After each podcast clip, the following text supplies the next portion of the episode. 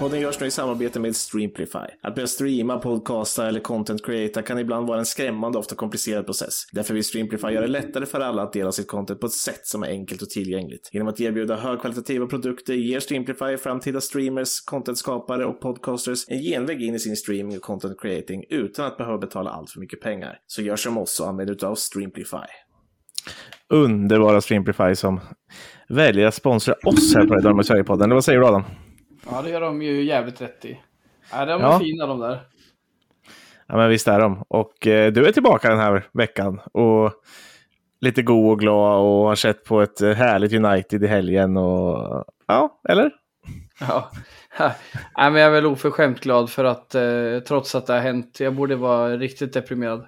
Men eh, jag var så jävla bakfull igår så jag knappt kunde fundera på så mycket.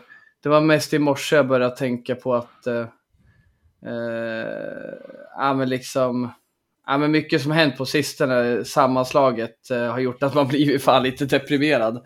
Men det får vi gå in på djupare nu. Men, men nu, är det, nu är det måndag igen. Måndag, tidig måndag. det är bara att köra vidare. Ja, men precis. Eh, så vi får väl försöka slå våra kloka huvuden ihop här. Men vi är ju inte själva. Det är vi ju inte. Utan eh, en man som alltid är med oss från de djupa norrländska skogarna tänkte jag säga. Men han är väl så långt söderut det går att vara nästan. Men eh, Mikael, är du där? Eh, Jag är här. Jag Mår du gick bra? en sväng medan ni, medan ni tjötade, och, men nu är jag tillbaka i sändning. Lagom tills eh, ordet blir mitt. Ja, Du jag gick tyckte... en sväng. Runt kvarteret. Ta en liten runda i lägenheten medan ni, medan ni gör ert. Ja, ni har väl inte tillbringat eh, dagen på sjukhus i alla fall. Eh, Det har jag ju ofta göra. Tråkigt nog. Ungefär lika tråkigt som det var i Ja. lördags. Ja, Ja, färre sådana nyheter och fler roliga tycker jag. ja precis. Eh, Det var lite... Ja, känns som det är dags för det. det var lite så här matchen i lördags. eh, att jag satt på min, eh, Eh, nu ska jag säga så här så att det låter, om min tjej skulle lyssna här så får det inte låta för illa. Eh, jag satt alltså på min tjejs familjs släktträff. Eh, där den personen som höll i släktträffen den här gången är otroligt bohem. Och alltså beslutat att allihopa som kom dit skulle diskutera existentiella frågor. Nej. Om, var man tvungen att vara nykter också? fest på. Jag, eh, det, det fanns alkohol. Jag valde att eh, förtära ganska mycket alkohol denna Ja, det är klart. eh, lördag. Kan se det framför. Eh, och eh, ja, samtidigt så smög jag undan i ett hörn med mobilen och insöp denna match mot Tottenham. Jag blev inte gladare. jag, jag, Nej, kan du dra upp en speciell fråga? Fan vad otäckt. Man måste ju vara dyngrak för att kunna vara kreativ då. Ja, jag vet inte, men det var ju allt möjligt om vad, vad, vad, är, vad är livet egentligen eh, och du vet, eh, ja. Jag tror ju du har jävligt bra innehåll där efter tio öl Jonas. Det har du. Ja, det var nog efter, eh, alltså det började med att vi fick typ eh, lite kava när vi kom dit. Jag fick fyra glas. Eh, Vad skräddarsytt för dig eller? Ja, och sen så... Alla, en gick runt så här och delade ut till alla. Du fick en egen bricka med fyra redo. Ja, nej, det var mer att de fyllde på och jag var, varenda gång de kom och skulle fylla på hos någon så hade jag druckit upp. Så då fick jag lite tips. Man är ju så på bröllop om det är så att det börjar komma en till flaska och ska hälla upp. Det häller i sig lite snabbare så att det ser tomt ut så man kan få lite extra. Fan. Exakt. Jag älskar bubbel. Det ska jag inte sticka under stolen med. nej, men så jag gjorde nog det där. Jag gjorde nog ganska bra ifrån mig ändå, men det var inte mitt livsstund. Det var det inte. Jag har ju en fördom Mika att du var jävligt bakfull under söndagen för du kändes väldigt frånvarande då. Stämmer det eller? Nej, det stämmer inte alls. Jag Det var inte ute och drack på lördag. Nej, Okej. det var det inte. Nej, då hade jag fel. frånvarande. Det var United som fick mig frånvarande. Ja, eh, då, eh, det var väl ganska frånvarande i gruppen överlag igår, eller? Ja, men det var söndag och det var fucking jävla pissmatch också. Nej, det var Medgångare. Mm. Inte lätt. Vad Nej. hände med den positiva känslan vi hade för ett par, tre veckor sedan? Ja, exakt. Bortblåst. Som bortblåst, ja. ja, den är utsuddad, utraderad och eh, ja, nej, förhoppningsvis kanske den kan komma tillbaka snart. Vi har ju vi har ändå Nottingham i helgen eh, på Old Trafford, så att eh, det, fan kan det inte gå dåligt då alltså. Då blir jag fan sur. Vilken dag är den? Eh, Så att du vet om helgen blir förstörd eller? Är det jag, på tror det, jag tror det är lördag igen. Eh, är nästan 100% säker och jag vet om, om två sekunder. Eh, lördag 16.00 till och med. Så att det är en av Stryktipsmatcherna. ja. Eh. förstörd två timmar innan till och med. Senast. Exakt. Eh, Skoja. så. Skoja. Eh, ja. Men, ska vi ta och prata om den här matchen då? Det tycker jag. Eh, och ska vi börja då med det positiva? För det var väl ändå det som United började med. Eh, att faktiskt inleda första halvlek helt okej. Eh, jag skulle inte säga att det är jättebra och jag skulle kanske inte som eh, en viss Erik Ten Hag säga att vi var dominanta under första halvlek. Men vi är ju bättre än Tottenham och eh, bara sett till allting så skapar vi ju faktiskt eh, målchanser för att komma upp över 1 i XG under bara de första 45 minuterna. Eh, vad, vad tar ni med er från den halvleken, Micke? Äh, nej, men vi skapar en del chanser, precis som du säger. Och, eh, bara den här, nu är det ju bara två matcher, men vi har ju skapat fler chanser än City den här säsongen till exempel. Och det är bara Newcastle och Brighton tror jag, eh, som är bättre på det än så länge. Så att, eh, visst, vi kan väl skapa fler chanser och bättre chanser, men det största problemet faktiskt än så länge är ju att vi inte har varit så effektiva. Eh, det är ju bara Varann som har gjort mål i United. Det är ju sjukt otippat efter två matcher. Men eh, ja, så där kommer väl Höjlund in i bilden. Och, eh, och, alltså det märks i sådana här matcher att vi, vi saknar en naturlig striker väldigt mycket. Sen, sen fanns det ju annat såklart också som var, som var problem. Men just i första halvleken så, eh, så var vi ganska bra ändå. Det, man får gå in på detaljer om man ska säga att United var svaga i första halvlek. Vi gjorde en ganska bra första halvlek och eh, definitivt så med tanke på, eh, jäm, alltså om man jämför med matchen mot Wolves. Mm. Men om man tar den frågan då, Adam, eh, alltså fronttrion om vi tittar här nu då, Anthony, Garnacho och Rashford har väl inte levererat guld på två matcher. Skriker vi efter förändring där eh, redan nu? Ja, men det tycker jag. Så jag vill inte egentligen... Eh, jag vill egentligen inte diskutera individuella insatser. För jag tycker att eh, kärnfrågan här ska vara liksom hur man sätter ihop lagdelarna. Liksom. Vad har vi för mittfält framför allt? Och det är klart att jag vill ju ha Rashford till vänster och jag vill ha in Höjlund eller en riktig striker centralt. Där Rashford inte levererat, men Rashford har ju levererat vissa matcher under förra säsongen när vi varit bra eh, i den rollen och kanske fått ett annat understöd och sådär. Så jag tycker inte han är en usel nia, men han är inte rätt nia. Men jag tycker det är snarare mittfältet liksom som både gör vår försvarare en otjänst och vår anfallare. Men vi ska sätta alla krav på anfallarna. Jag tycker till exempel att alla tre du nämner har ju varit undermåliga i bägge de här matcherna. Det var ju samma lag de ställde upp. Och eh, Garnacho liksom, han kommer ju fortsätta, han kommer ju bli bra. Han kommer leverera. Men han har ju verkligen inte tagit chansen och Antoni tycker jag nästan har blivit sämre än vi har sett tidigare. Så, så här dåligt tycker jag inte jag sett honom. Och, och Rashford, jag säger det återigen, han är inte usel som nia, men han har gjort två riktigt dåliga matcher. Men återigen, mittfältet är liksom det som ska hålla ihop hela laget. Och vi kan ta den diskussionen senare kanske om vi får utrymme, men det är andra, gång, andra matcher jag tycker att både Shaw och Martinez är riktigt dåliga. Och eh, det är inte så att de är sämst i lag, ingen som ska vara skyldiga. Men att de kommer bli exposed den här säsongen om vi fortsätter med det här mittfältet. För det är det största problemet jag ser. Om jag ska få gå ifrån din fråga Jonas. Att vårt mittfält är så jävla dåligt att våra backar ser usla ut igen. Och det är de ju inte. Vi måste ha en stadga på mittfältet, annars kommer vi utsätta våra backar för dumma situationer där de får stöta i onödan och där de kommer på mellanhand. Och jag är fett trött på det, för jag, jag tycker Erik Ten Hag borde, borde hantera det snart. Jag gillar hur han tänker, Men det kommer gå åt helvete för oss de här första matcherna om vi fortsätter med det här mittfältet. Ja. Och jag, det jag vill komma till, vi kan ha det här anfallet och jag tror det kan funka med ett bättre mittfält. Det är inte så att, att eh, liksom, vi byter ut alla tre anfallare och det kommer börja funka. Jag tror vi kommer göra fler mål, men vi kommer fortsätta släppa in mål. För jag tycker inte offensivet är problemen här, förutom där Mikael säger att vi är ineffektiva. Vi behöver ha in en som gör målen, som Rashford inte gör centralt. Men vi kommer fortsätta kunna släppa in två mål, även mot Nottingham, med det här mittfältet. Det ser åt helvete ut. Ja, alltså där kan man väl bara stoppa in Mount tror jag. Alltså Rashford rör ju inte bollen supermycket i den här matchen. Men Mount, frågan är om han spelar överhuvudtaget. Uh, vi har anklagat, uh, jag, jag, bara tittade igenom hur många bolltouch man har haft och sådana där saker. Och Mount är ju bland de, min, de som har haft minst bolltouch spela plan under den här matchen. Ja, det blir ju Uh, lite vilket så. Jag liksom- förstår ju att folk kritiserar Mount, för han har inte varit bra. Men det är samma där, det här mittfältet gör inte honom en tjänst.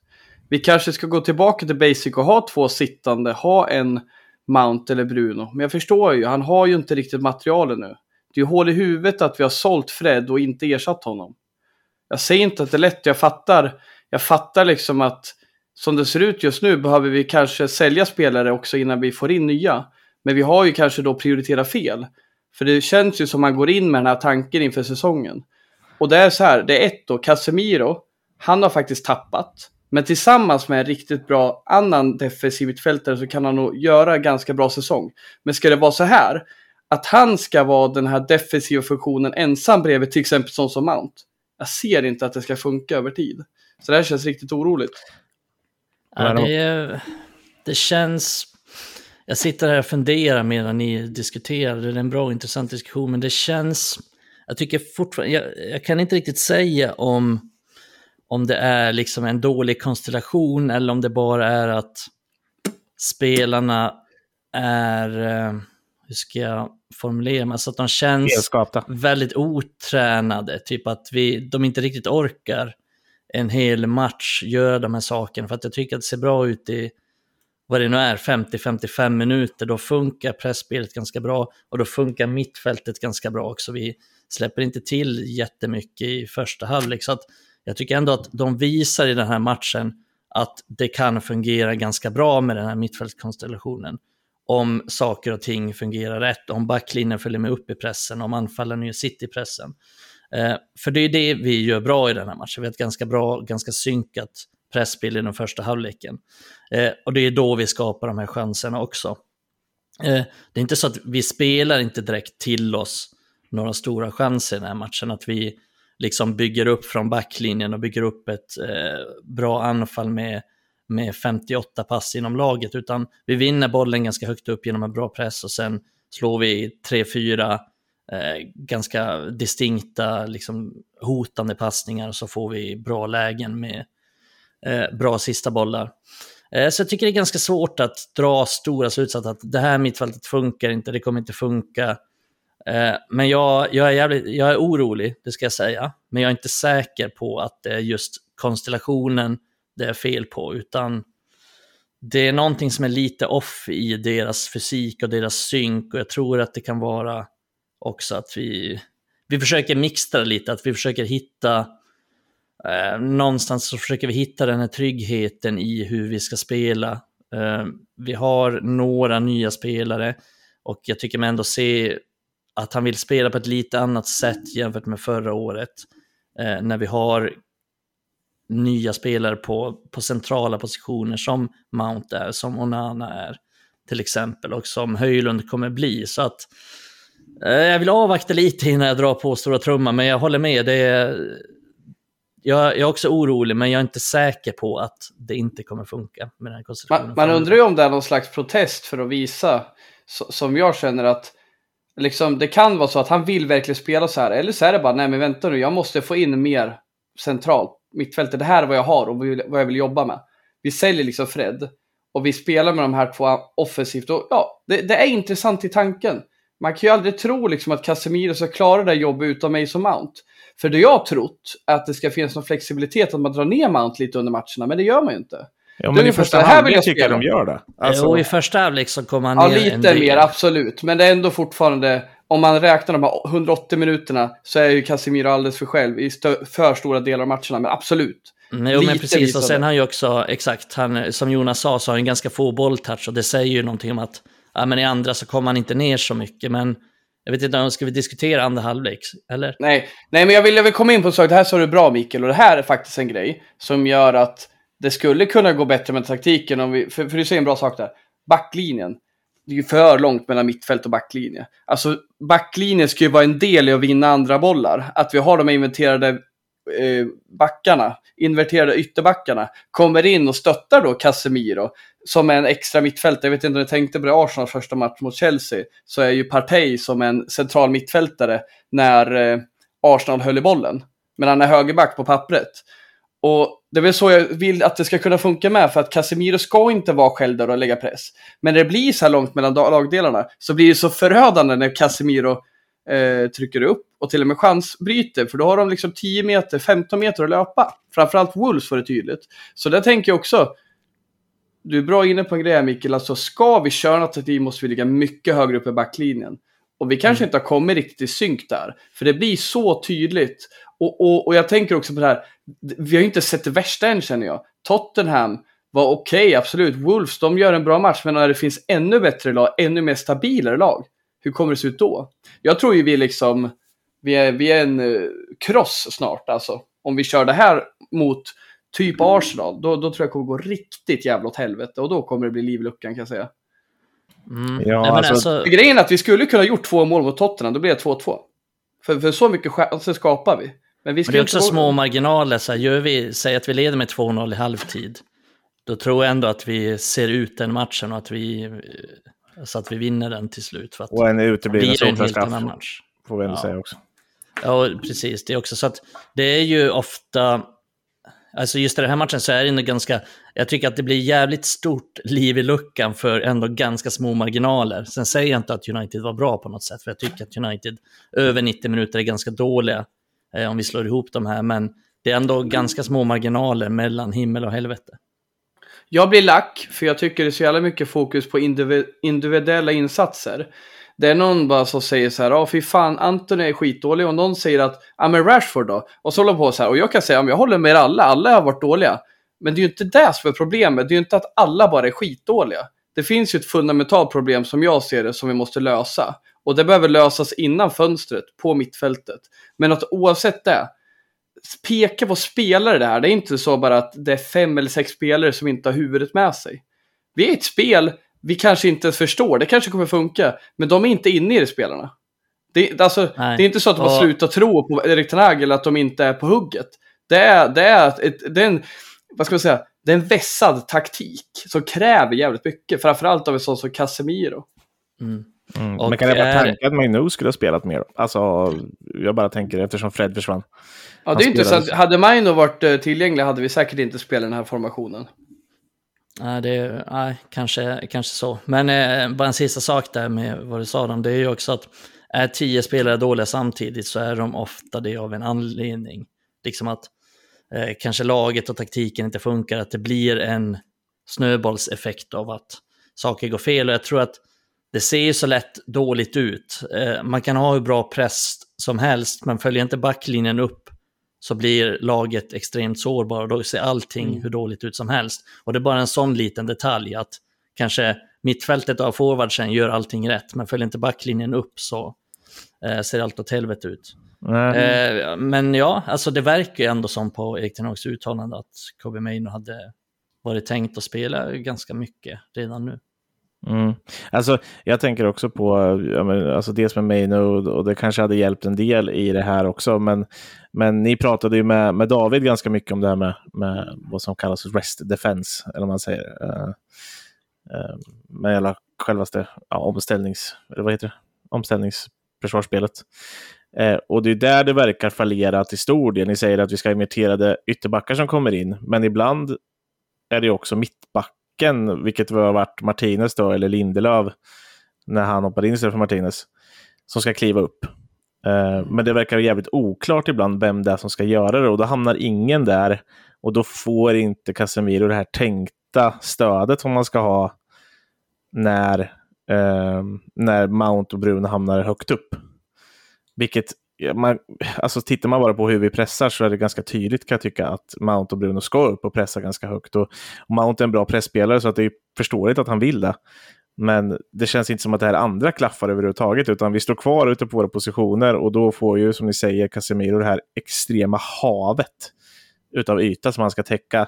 Vilket då han kanske inte har gjort de klokaste valen och gjort chansbrytningar ganska högt upp. Och då, eh, han hinner ju aldrig tillbaka och, och de får ju löpa mot en backlinje som, som måste löpa liksom med ryggen hemåt, mer eller mindre. Jag vet inte om jag är ute och cyklar här, men det känns... Nej, men du, det är intressant för alltså, det, det är väl lite det jag är inne på att den här taktiken gör ju inte våra spelare någon tjänst. Och det kanske är så att Casemiro packar upp under säsongen är bara i kass. Men så här, så här dålig är han ju inte. Och Martinez är ju inte så här dålig. Och Luke Shaw är sannerligen inte så dålig. Men alla är lite under, eh, alltså under, vad ska man säga, godkänt. Sen om någon är skitdålig eller dålig, jag tycker det räcker med att vi är underkända på de flesta positionerna. Mm, och sen är det ju, eh, och det blir jävligt tydligt i andra halvlek, att vi ofta när vi hamnar underläge så kommer in någon slags kaoskänsla i laget. Då ska alla framåt och det ska helst gå jävligt fort framåt. Det ska vara en passning och så slår vi bort boll på boll på boll och så. Som att det inte var Hawaii-fotboll innan liksom. Det blir ja, ännu värre. Nej, alltså, Man vrider det, upp alla spjäll. Det, det blir liksom aldrig något, vi får aldrig något tryck på den för att vi bara slår bort bollar hela tiden. Eh, och, det och vem är spelaren som ska lugna ner det?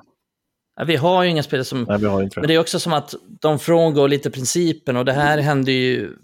Alltså det här är ju nästan så länge som jag kan minnas, eller på att säga, men alltså åtminstone de senaste liksom sex, sju åren så har det ju sett ut så här att vi har den typen av spelare som hela tiden vill framåt bara. Och det här har vi diskuterat eh, väldigt mycket. Men vi blir jävligt desperata och vi slår mycket chansbollar och tappar mycket. Och förutom liksom det här ihåliga mittfältet så är det en sak som, som oroar mig. Och, ja, det här har jag som sagt pratat om många gånger. Men eh, vi har ju en del nya lyssnare så jag får väl upprepa mig i det. Men alltså vi har ju så jävla vi har ju så svårt att, att, passa bollen på mittfältet och i den här matchen till exempel så, jag kollar ju alltid passningsprocent och olika touchar och sådana saker efter matcher för att ja, men kunna få en bättre bild av matchen helt enkelt. Men Casemiro sätter 80% av eh, passningarna, Mount 78, trots att Mount knappt slog några passningar, precis som du sa innan där Jonas. Att han rör i bollen väldigt lite och han spelar ändå centralt på mittfältet.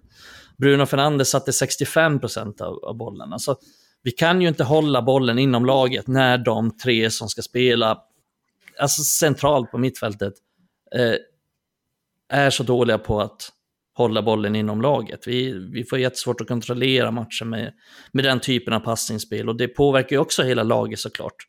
Eh, så att egentligen, ja, jag är orolig för att, vi, för att det står yta på mittfältet, men egentligen är det det här som jag är mest besviken på eh, kring Erik Ten Hag om han inte har tänkt att ordna till det. För det trodde jag verkligen. Jag kanske, eh, kanske bara jag som hade liksom dålig koll på Ten Hag sen innan, att jag inte hade tillräckligt bra koll, men jag trodde verkligen att han skulle försöka få till ett mer kontrollerat eget passningsspel, men alltså jag vet inte, det verkar nästan som att han inte tycker att det är så himla viktigt, eller så är det så att han bara inte har spelarna för det eller att han har tänkt bara att ja, men Kobe Maino ska fixa det. Alltså jag vet ju inte. Vi kan inte dra de slutsatserna utan att vi riktigt vet hur han har tänkt. Men jag känner mig mm. lite besviken på att han inte har fått till ett bättre eget spel. För så som jag sa innan också, att de flesta målchanser vi skapar är för att vi vinner bollen högt upp. Vi har, ännu den här säsongen så har vi egentligen inte skapat någonting av att vi har ett bra eget kontrollerat passningsspel där vi bygger upp från, back, eller från målvakt till och med, som vi kan göra nu med Onana. Därför vi köpte honom, tänker jag också. Mm. Eh, men vi, vi, har inte riktigt gjort det den här säsongen och där ställer jag mig lite frågan också kring om, ska vi inte göra det, eller? Ja, men för... Jag, jag skulle väl, ja. Ja, men, jag, ja, men alltså bara spontant, för du är inne på det just med Onana också, att jag tycker inte kanske vi utnyttjar honom som vi ska. Just det här med att vi ska skicka upp backlinjen, kunna använda honom längre ut i planen än vad han gör nu. Jag tycker mest han får boll nästan in i sitt eget mål så fort han får den. Ja, och har nästan aldrig någon att passa heller. Alltså det, alla de står ju, det är som du var inne på förra avsnittet där Jonas, att alla står ju liksom bara så här med, med ansiktet mot och så står de ja. helt still bara. Och han Eh, har ju nästan aldrig någon att slå de passningarna till. Så att, och den eh, enstaka gången han faktiskt får läget när han är lite utanför straffområdet. Han sätter ju världens boll till Garnacho mot Tottenham. Ja, exakt. Direkt han har någon att slå den till så löser han nästan det. Ja. Eh, nu blev det väldigt mycket att han spelade ut till Fambisaka.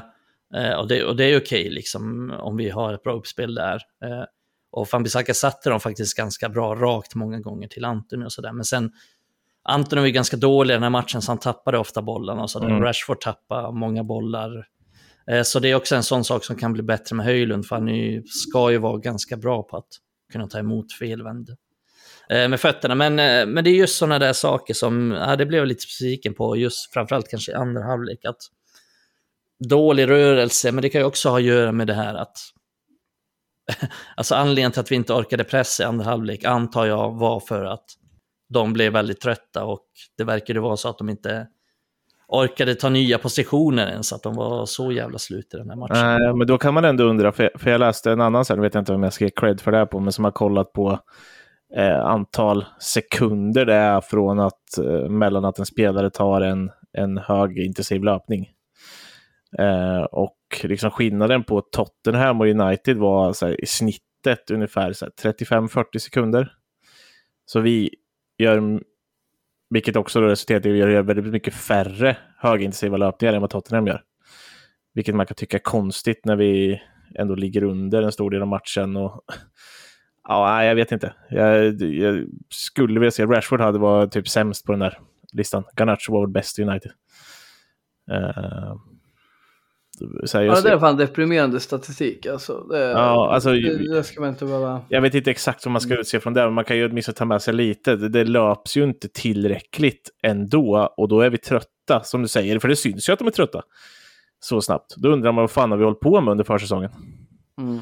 Och så säger de att det är bland Ja, de hårdaste liksom, ju försäsongerna de har haft. eller EM och det är väl om de har suttit och kollat på dam-VM liksom, men det är ju fan inget de kan skylla på i deras kroppar i alla fall.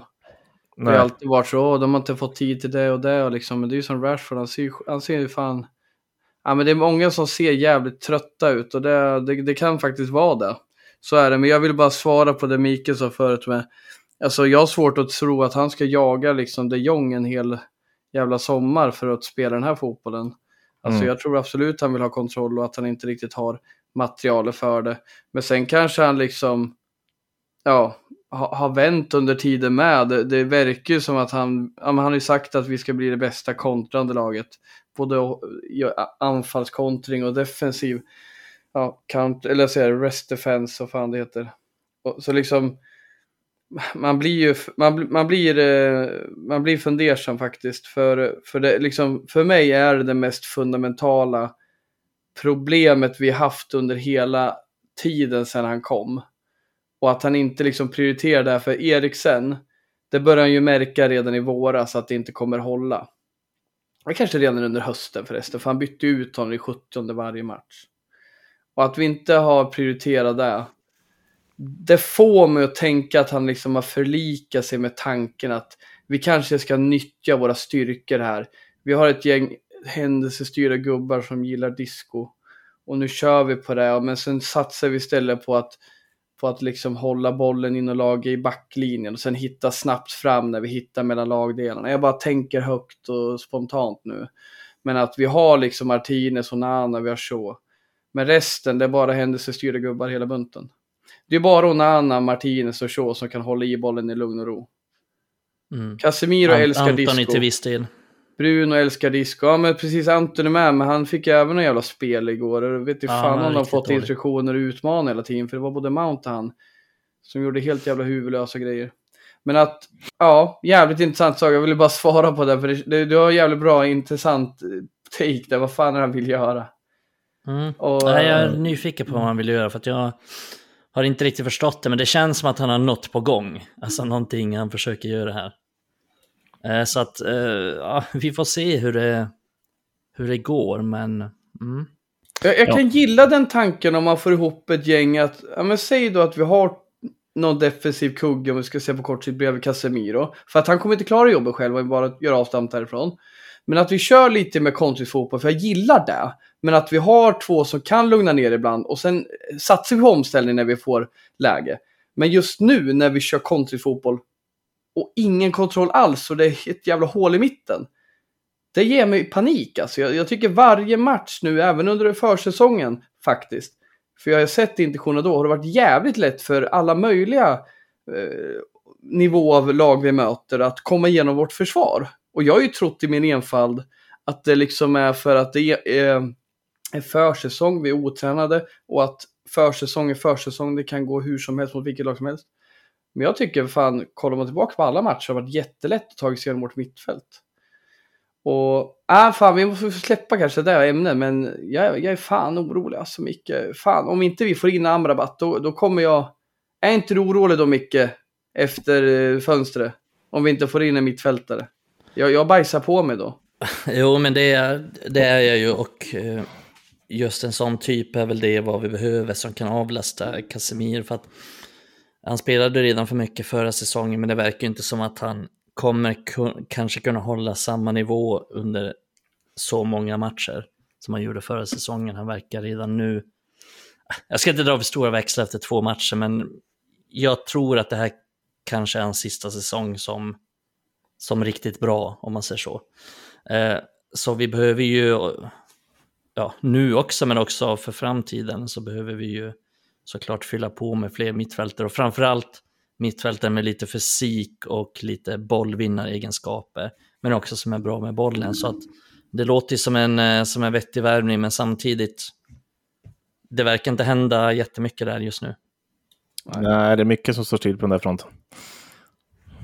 Uh, och, alltså jag, jag är, är, ju inne på din... Alltså, däremot så tror jag, alltså på din, ditt spår Adam, men däremot så tror jag att mm, mm alltså av det lilla man såg av Maino så ja, dels så sa vi det förra veckan, Micke, men han kommer ju få en ganska viktig del i laget ifall vi inte värvar någon. För då är ju han det enda nya kortet vi har och ett av få kort som är lite lugn med bollen. Han klarar ju att ha en press eh, på sig mm. Och ändå lösa den pucken. Eh, mm. Däremot så skulle jag nog vilja se, ja, jag vet inte vad som händer med Hannibal. Eh, alltså det är nästan så att han också behöver få en roll i så fall. För att där har du ändå någon som orkar löpa ordentligt eh, i, i, vissa matcher. Ja, vi har två målvakter för på bänken än. Ja. Någon, att... ja, jag vet, men, vilket jag kan tycka är konstigt. Mm. Men det måste ju betyda att han är på väg ut. På ja, ett förmodligen, sätt. Förmodligen. Han spelade i mu men förmodligen så är han väl på väg på lån någonstans. Men eh, om vi eh, ska försöka avhandla den andra halvleken eh, ordentligt. Och vi har ju, ni har ju varit inne och klämt på mycket här, men, men eh, jag var ju en av de här punkterna just att det känns som att vi får panik så fort vi släpper in ett mål.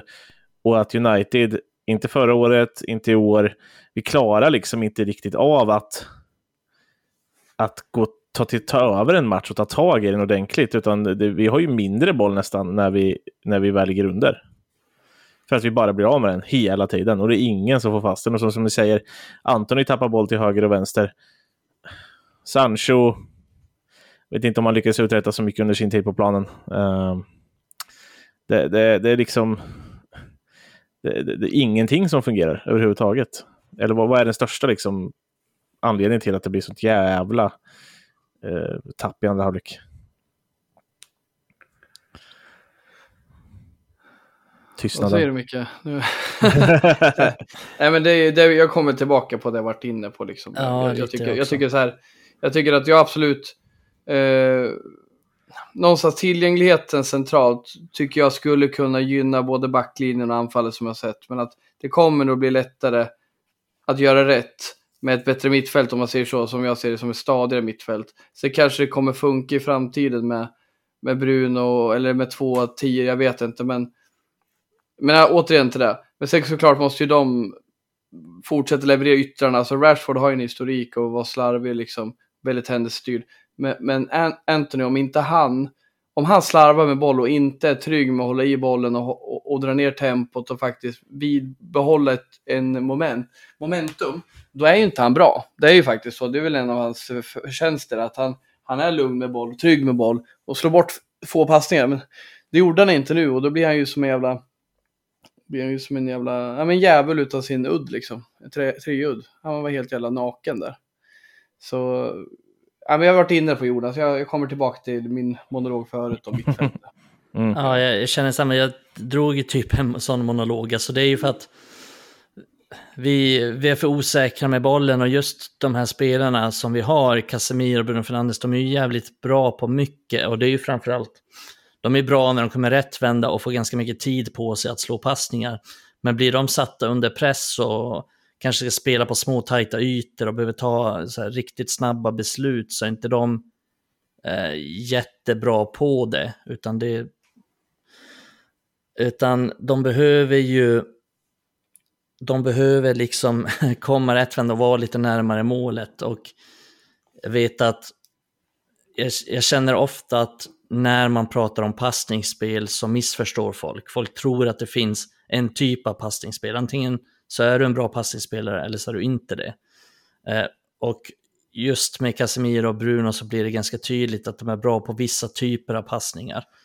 Casemiro till exempel är ganska dålig när han kommer ner och hämtar, när han är felvänd och behöver slå säkra passningar eller kanske vända upp och slå en diagonalpassning eh, som verkligen, verkligen sitter på, på medspelarens fot och Bruno Fernandes har lite samma svagheter. Däremot är de skitbra på att slå avgörande passningar och det är därför de försöker göra det så ofta också. För att de är bra på den typen av saker, så det är rimligt på så sätt.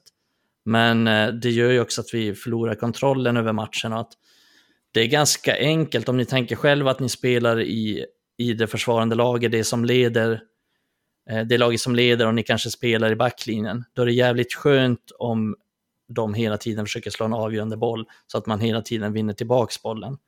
Eh, det är desto jobbigare om man hela tiden får jaga eller kanske möta en ytter som hela tiden utmanar och sen tar rätt beslut hela tiden. Utan vi ger bort bollen alldeles för mycket och, och det är en av anledningarna till att, till att vi förlorar den här matchen. Mm. Ja.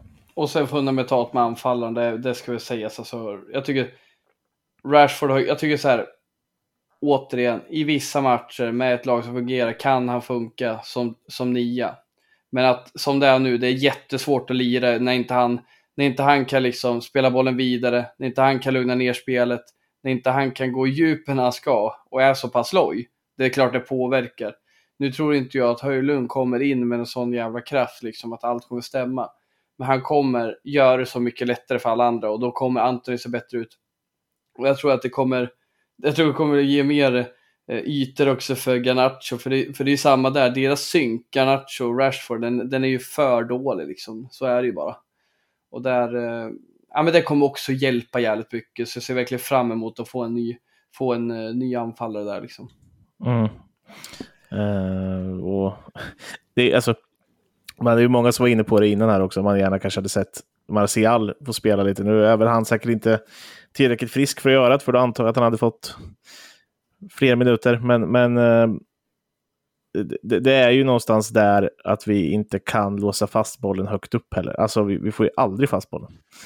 Eh, Nej, och, det, är en, och det är som en eh, flipperkula, den bara studsar tillbaka hela tiden. Ja, och, och Garnacho utmanar, utmanar, utmanar, vilket han ska göra. Det är det han är bra på, att han alltid vågar. Men när man då har en, en, en forward som, som inte riktigt visar sig, inte riktigt vill gå i djupet, inte riktigt hjälper till att skapa ytorna, då, då blir det ju svårt. Uh, och det spelade ju ingen roll som sagt vilken kant som fick bollen den här gången. Vi tappade ju bollen lika fort fan ändå. Så att, Ja, nej. Uh, mycket dåligt var det i alla fall. Mm. Uh, jag vet inte om vi ska flytta över från Tottenham-matchen då och prata lite om vad som komma skall istället.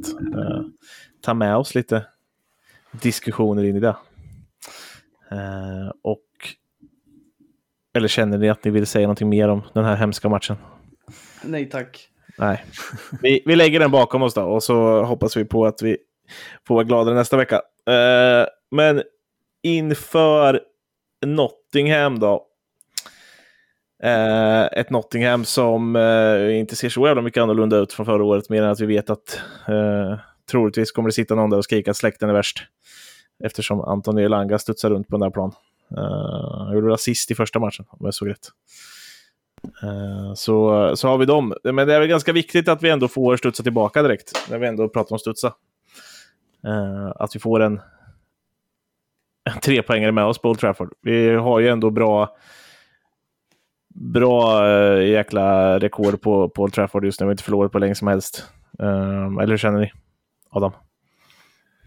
Nej, jag tänkte säga det förut när vi, när vi var inne på det, om hur det känns inför Nottingham. Att, ja, det spelar väl egentligen ingen roll. Vi kommer nog inte förlora den matchen när det är på Trafford, där har vi bra facit. Och Nottingham ser inte särskilt vassa ut. Men eh, man vet aldrig med det här laget vad det kan leda till. Men nej, men vi kommer inte förlora mot Nottingham. Det, det är jag ganska säker på. Det är otroligt stabila på Old Trafford. Mm. Ja, precis. Och sen är Nottingham ganska dåliga på bortaplan också. Men eh, absolut, vi, vi kommer inte förlora. Det är ju, känns väldigt obvious såklart, men det är väl större chans att det blir 0-0 eller 1-1 eller så. Men jag tror inte att vi förlorar den här matchen, även om Nottinghams styrkor inte ligger direkt i så här försvarsspel. Alltså jag är ganska säker på att vi kommer kunna skapa bra chanser mot dem. Men de är ju bra omställningsspelare och framåt så har de några bra spelare.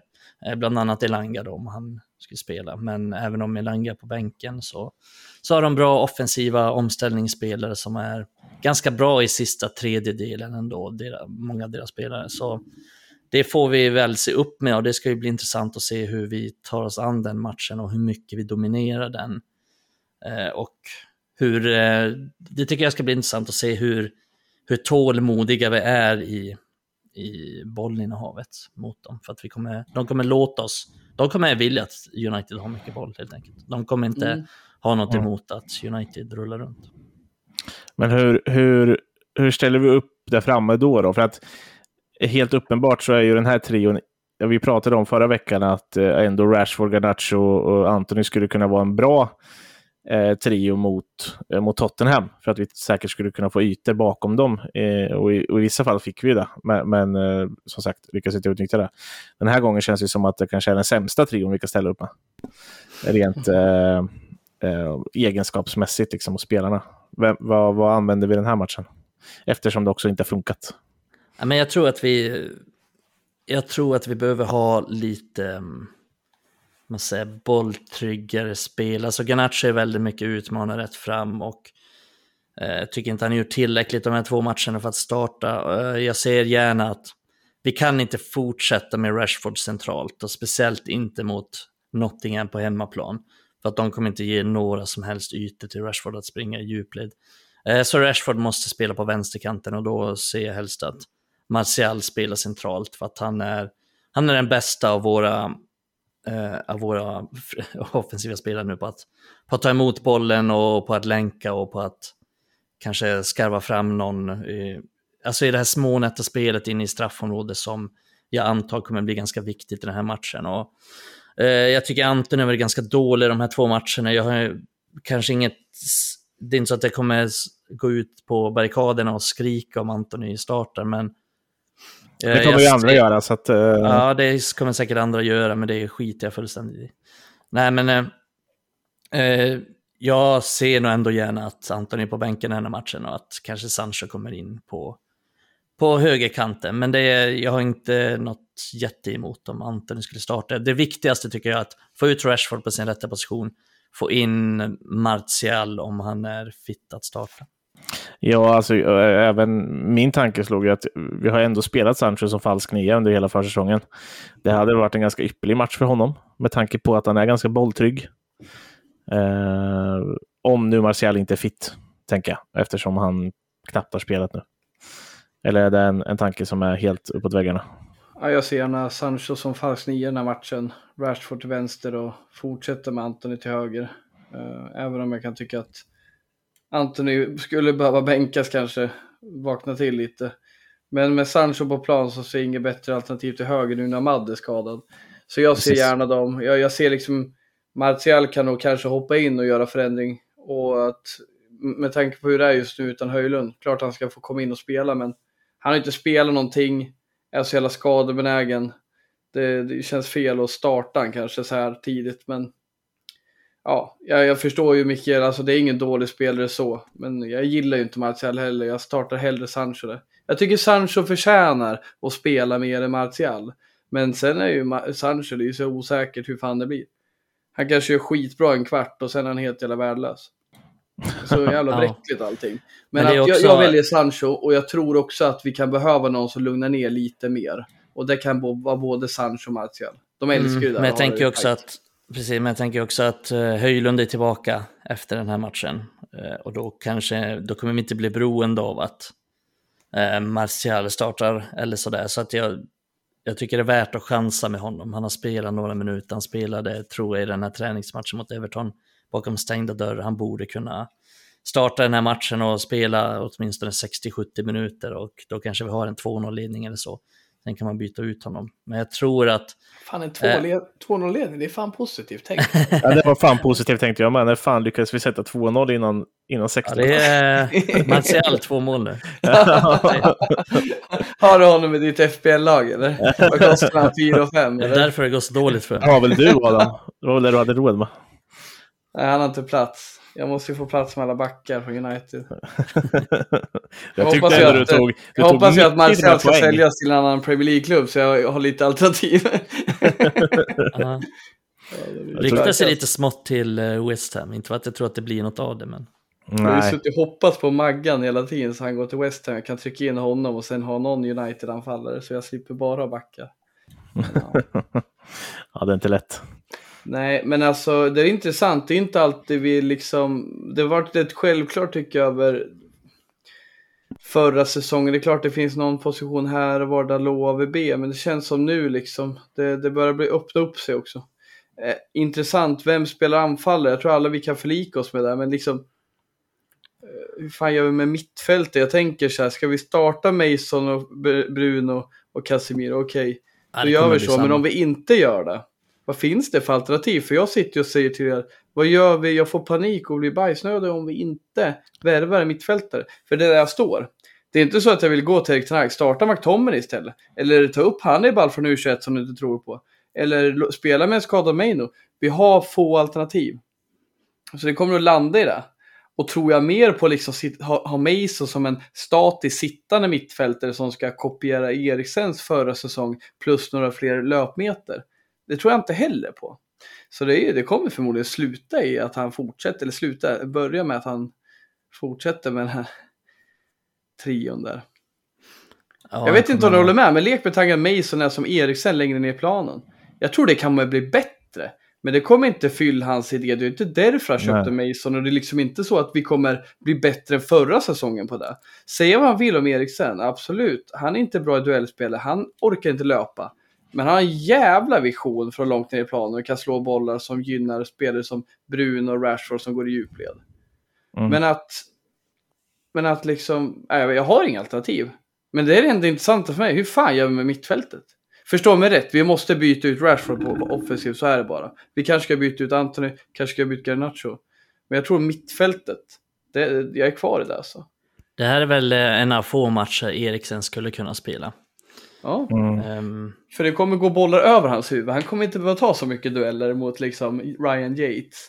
Tvärtom. Ryan. nej, däremot ska jag försöka hänga med eh, deras offensiva spelare. och Det Ja, kommer han inte göra såklart, men eh, Gibbs White kommer in och sätter en liten lillfinger i ryggen på honom så kommer han flyga åt helvete. Nej, men jag tror att det blir samma mittfält som eh, de senaste matcherna, men är det någon gång han skulle starta så är det väl nu och det säger väl en hel del om Eriksens chanser den här säsongen. Det blir, kommer inte bli många starter och startar han inte här, liksom, var ska, när ska han då starta? Cuperna. Eh, ja, ja, Mm. Ja, men, Gud alltså. typ så här ligacupen och den typen av matcher. Det är så Ja, sjukt, jag han- bara sitter och raljerar om vilka vi ska använda. Jag har fan glömt bort Eriksen i den lingon. Men det är ju så, det kanske är så att de startar den här matchen. Kanske att McTominay kommer in eh, från ingenstans. Ja, men vi- Eriksen från start och sen ta in McDominay med 30 minuter kvar om det nu går bra. Ja. vi kanske inte blir av med Donny och så ser ni honom där snart.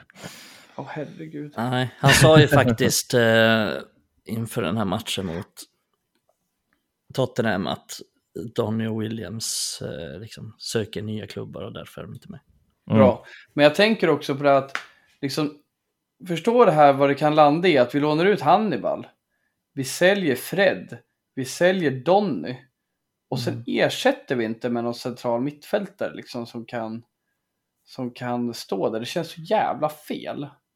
Men, det men- visar väl kanske att han tror väldigt mycket på Maino. Ja, men ändå, och det vi tycker jag ändå helt en rätt. för Det ska vi göra, men vi är ändå liksom fyra, fem turneringar vi ska delta i och många matcher. Att även om vi vill satsa på Maino så är det inte hållbart att han ska spela varje match bredvid Casemiro. Men ja, jag vet Ja. Det är ju någon tanke har han. Han är inte dum. Jo, det är han. Han är jävligt dum. Baserat på de här två första matcherna så kanske han är det. Ja. Nej, men han gör alltid dåliga två första matcher, det har vi lärt oss. Ja, exakt. 100% två dåliga första matcher. Han är 100% i Erik Ten Hag. Han har ändå tagit tre poäng fler än förra året. Så att, eh, Han är ju konsekvent. Succétränaren. Tre poäng fler än förra säsongen. Mm, på de två första matcherna. Ja, nej, men han är ju verkligen konsekvent. Eh, och, Vi och är det ju en dålig någonstans- match från att folk kommer vilja ha bort honom som tränare.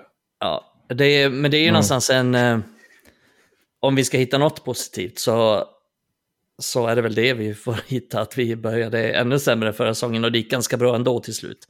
Eh, så det finns eh, förhoppning om att han kan vända det, men jag vet inte om ni har känt det, men det, det, är ju, det här är ju första gången som jag tvivlar lite på honom. ja, det är nog eh, först när du säger det så, så, så har jag känt det på det. Framförallt när du har skrivit i, i gruppen. Så, så eh, erkände du till och med att du började med känna lite eh, svajighet runt den. Hur känns Ja, det? Ja nej, det känns konstigt för att som sagt det är första gången jag gör det. Jag, jag säger inte att jag ifrågasätter något totalt, att han är fel man, att han ska sparkas, men lite, lite fundersam på vad han eh, tänker hitta på här och Ja, men jag blir mest... liksom, eh, inte helt enig i saken han gör. Och jag var ju lite skeptisk till värvningen av Mount, inte för att jag tror att Mount är en dålig spelare, jag tror att Mount kommer göra mycket nytta för United, men eh, Prioriteringen. Ja, prioriteringen. Var det verkligen den spelartypen vi behövde? Du kan ju inte köpa skinka och glömma smöret. Du måste ju lägga grunden först. Alltså hans Mm. mittfält är ju okej i tanken. Men det kan inte vara meningen att det är Casemiro som ska täcka för de här två händelsestyrda nissarna. Nej. Nej, och sen lite så här, det jag reagerar mycket på med Ten Hag just nu, det är att eh, han inte verkar så missnöjd i intervjuer runt omkring. Men det tycker jag är okej. Vet du varför? Ja, för det är han som ska skyllas till den här taktiska missarna vi gör. Men Så han då måste... tycker jag det är schysst att han inte skyller på spelarna.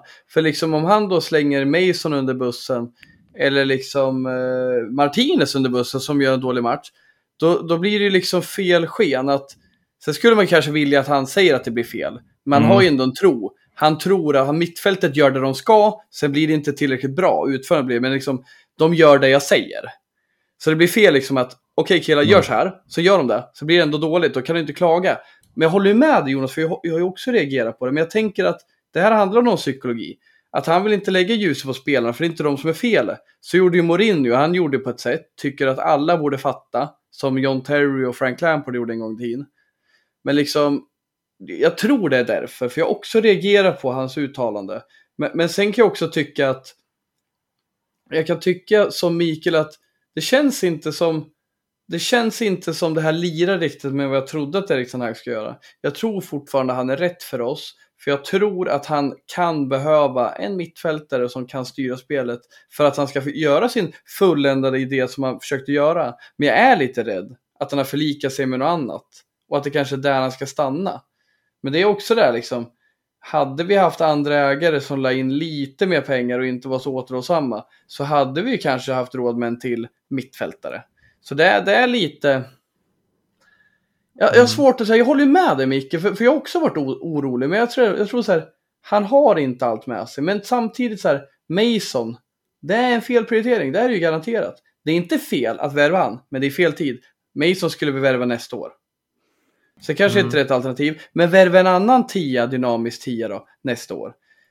Du har ett fundamentalt problem och det är mittfältet, äg det.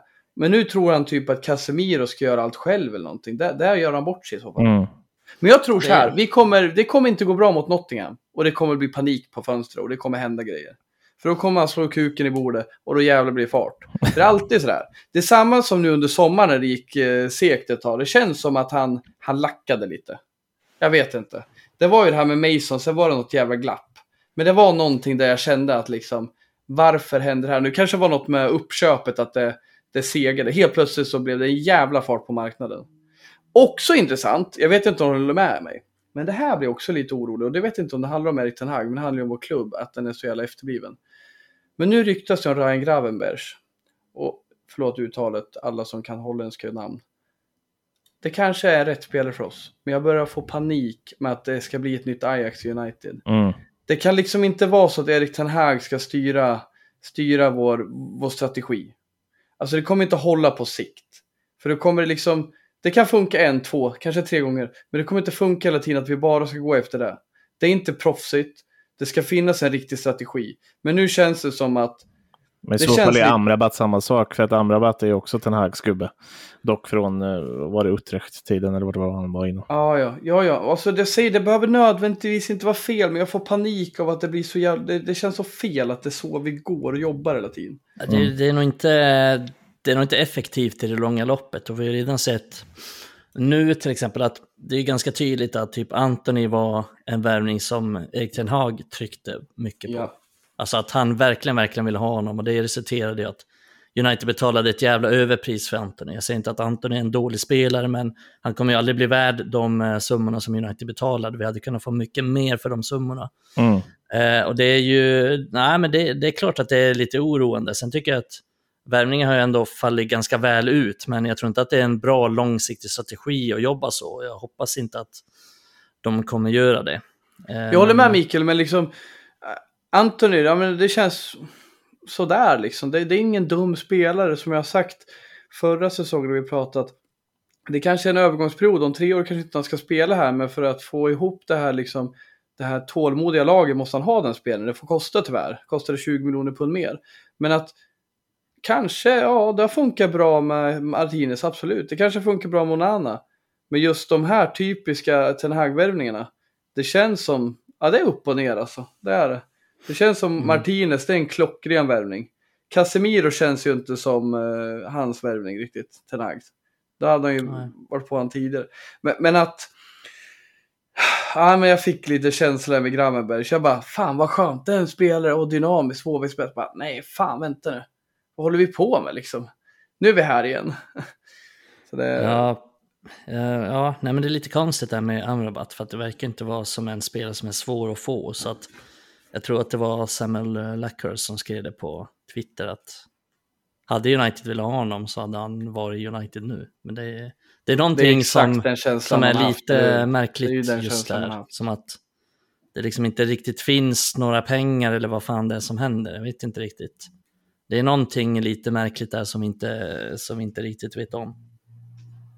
Nej, och sen är det ju så med FFP, liksom, vi, har ju, vi måste ju sälja en massa spelare och man kanske har blivit lite bajsnödiga när vi inte får Maguire och... Fan, jag säger bajsnödiga. Ja, får jag tänkte just på det. Helvete många gånger du har sagt det. Ja, fan. Maguire och vet det, Henderson, har, McTominay kanske man har trott man skulle få mer pengar för. Liksom. Vi har inte fått de försäljningarna och jag tror att hade vi det, då hade det nog varit en no-brainer till honom. Så det är så här, någonstans förstår jag med tanke på de skulderna vi har enligt FFP. Men också förvånad. Så dyr är han inte. Sån stor chansning är det inte. Det är klart som fan vi ska kunna kränga många spelare. Men jag säger det, det han kommer komma på så stört Mm. sen. När vi gör ett dåligt resultat på Nottingham. Jag är inte alls så positiv som dig där Mikael. Alltså Nottingham, det är ett av de sämsta lagen. Men just det här omställningsspelet som också lyfter. Det tror jag kan bli ganska jobbigt med det här bräckliga, eh, det här bräckliga mittfältet. Alltså jag, jag tror Ja, framförallt vi fortsätter ge bort boll precis utanför deras straffområde. I situationer där vi har flyttat fram väldigt mycket.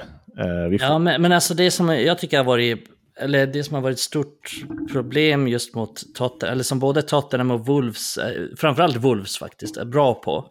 Det är att de är så jävla bra på att ta bollen djupt ner i planen, eh, ta sig ur förbi en presssituationer, dribbla sig igenom Uniteds mittfält. Alltså de kan springa med fart genom Uniteds mittfält och det är ju till exempel Bissoma också ganska bra på, gjorde många gånger mot United. Eh, Jag ser inte riktigt att, att Nottingham har de spelarna på mittfältet. De är ju mer de här riktiga spetsspelarna framåt som, de, eh, som är duktiga i, i djupled och snabba i omställning. Men de har inte riktigt det här mittfältet som tar sig igenom Uniteds mittfält på samma sätt. Alltså, kollar vi bara på hur många gånger Uniteds mittfältare blir bortdribblade. De här två första matcherna så blev Bruno Fernandes det sju gånger. Eh, Casemiro sex gånger, Mount fyra gånger. Och jämför man med till exempel så här, Liverpool, och Tottenham, City, Arsenal och så vidare så har Rodri blivit bortdribblad en gång, Declan Rice en gång. Liksom det är på den nivån så att Casemiro sju gånger jämfört med hans konkurrenter i Arsenal och City. Eh, Mm. Det är inte riktigt hållbart, men det är också för att Wolves är jävligt bra på det. Men eh, ett stort problem som vi har haft, men som jag inte tror kommer bli lika utlämnande mot Forest. Nej. Men eh, vad, eh, Micke säger att vi leder med 2-0 efter 60-70 minuter. Vad, vad blir slutresultatet då, eh, Micke? 2-0. Det blir 2-0. Adam då, vad säger du? 1-1 blir det. 1-1. Fy fan vilket mörker! Fan! vilken, podd, var- vilken podd var det och vem var det som sa det? Var det Melker som... Det var ju någon som kläckte ur sig att om, eh, om jag får drömma så säger jag 2-2. Det glömmer jag aldrig. Då var inte jag med. Och jag satt och lyssnade på den podden. Och vad säger karljäveln? Jag tror det var Melker. Ja, det var, Melker. Han var så rolig den podden. Jag satt och garvade så in i helvete. Och just här. och- Nej, var det inte Rasmus förresten?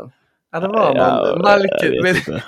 Men jag kommer inte ihåg vem det var nu. Men får jag drömma blir det 2-2. Man bara, va? Får du drömma Adam så blir det 1-1 mot. Fy fan, ditt önskeresultat är 1-1 mot Fy fan! Men Jonas, Jonas här, han drog ut på det lite. För, ah, men får man drömma? Då tänkte jag, jävlar nu tar ni så han bajsar på sig. Nej, förlåt. Nej, men så här För, för nu 4-0. måste sluta. Han drev då 4-0 och sen nej, 2-2. Han bara, what? Vad fan drömmer du om? man nu, liksom, det är ju sånt man skulle säga om man spelar division 5 och så mötte man typ så här AIK. Bara, Drömresultat 2-2. Ja, så jävla bra. Fan vad kul det var. Tack för det. ja, ja, det var väldigt roligt faktiskt. Eh, nej, men då vi har- förlorar inte Old Trafford mot Nottingham Forest. Nej, jag tror inte heller vi förlorar. Eh, jag tror vi faktiskt att vi kan göra typ en Wolves-match och vinna trots att vi inte är så bra. Eh, Ja, men det bara- är väl mest troligt. Jag tror inte heller att vi kommer vara så bra, tyvärr. Det- Eh, nej, precis. Och då kan vi ändå stå med sex poäng efter tre matcher, vilket inte är en total katastrof. Eh, men vi får väl helt enkelt vänta och se när det gäller det. Eh, och det var väl också de punkterna vi hade för dagen? Eller vad, vad säger ni? Ja, det var det. Mm. Det var det. Ja, Ja, och då får vi väl återigen passa på att eh, säga till alla att eh, glöm inte följa oss på, på Twitter om ni vill. Eh, det, vi heter Raspodden om ni bara vill prata om oss med podden. Annars finns ju Red Army Sverige såklart, eh, som ni borde följa. kommer mycket gött och spännande ut på den där sidan. Så, eh, eftermatcher, inför matcher, alla andra nyheter ni kan tänka er. Det är bara in och läsa. Eh, mycket fantastisk läsning som väntar er om ni inte har gjort det. Eh, så tackar vi för den här veckan och eh, på återhörande eh, nästa vecka. Tack Adam. Tack Mikael. tackar. Tack. Bye bye.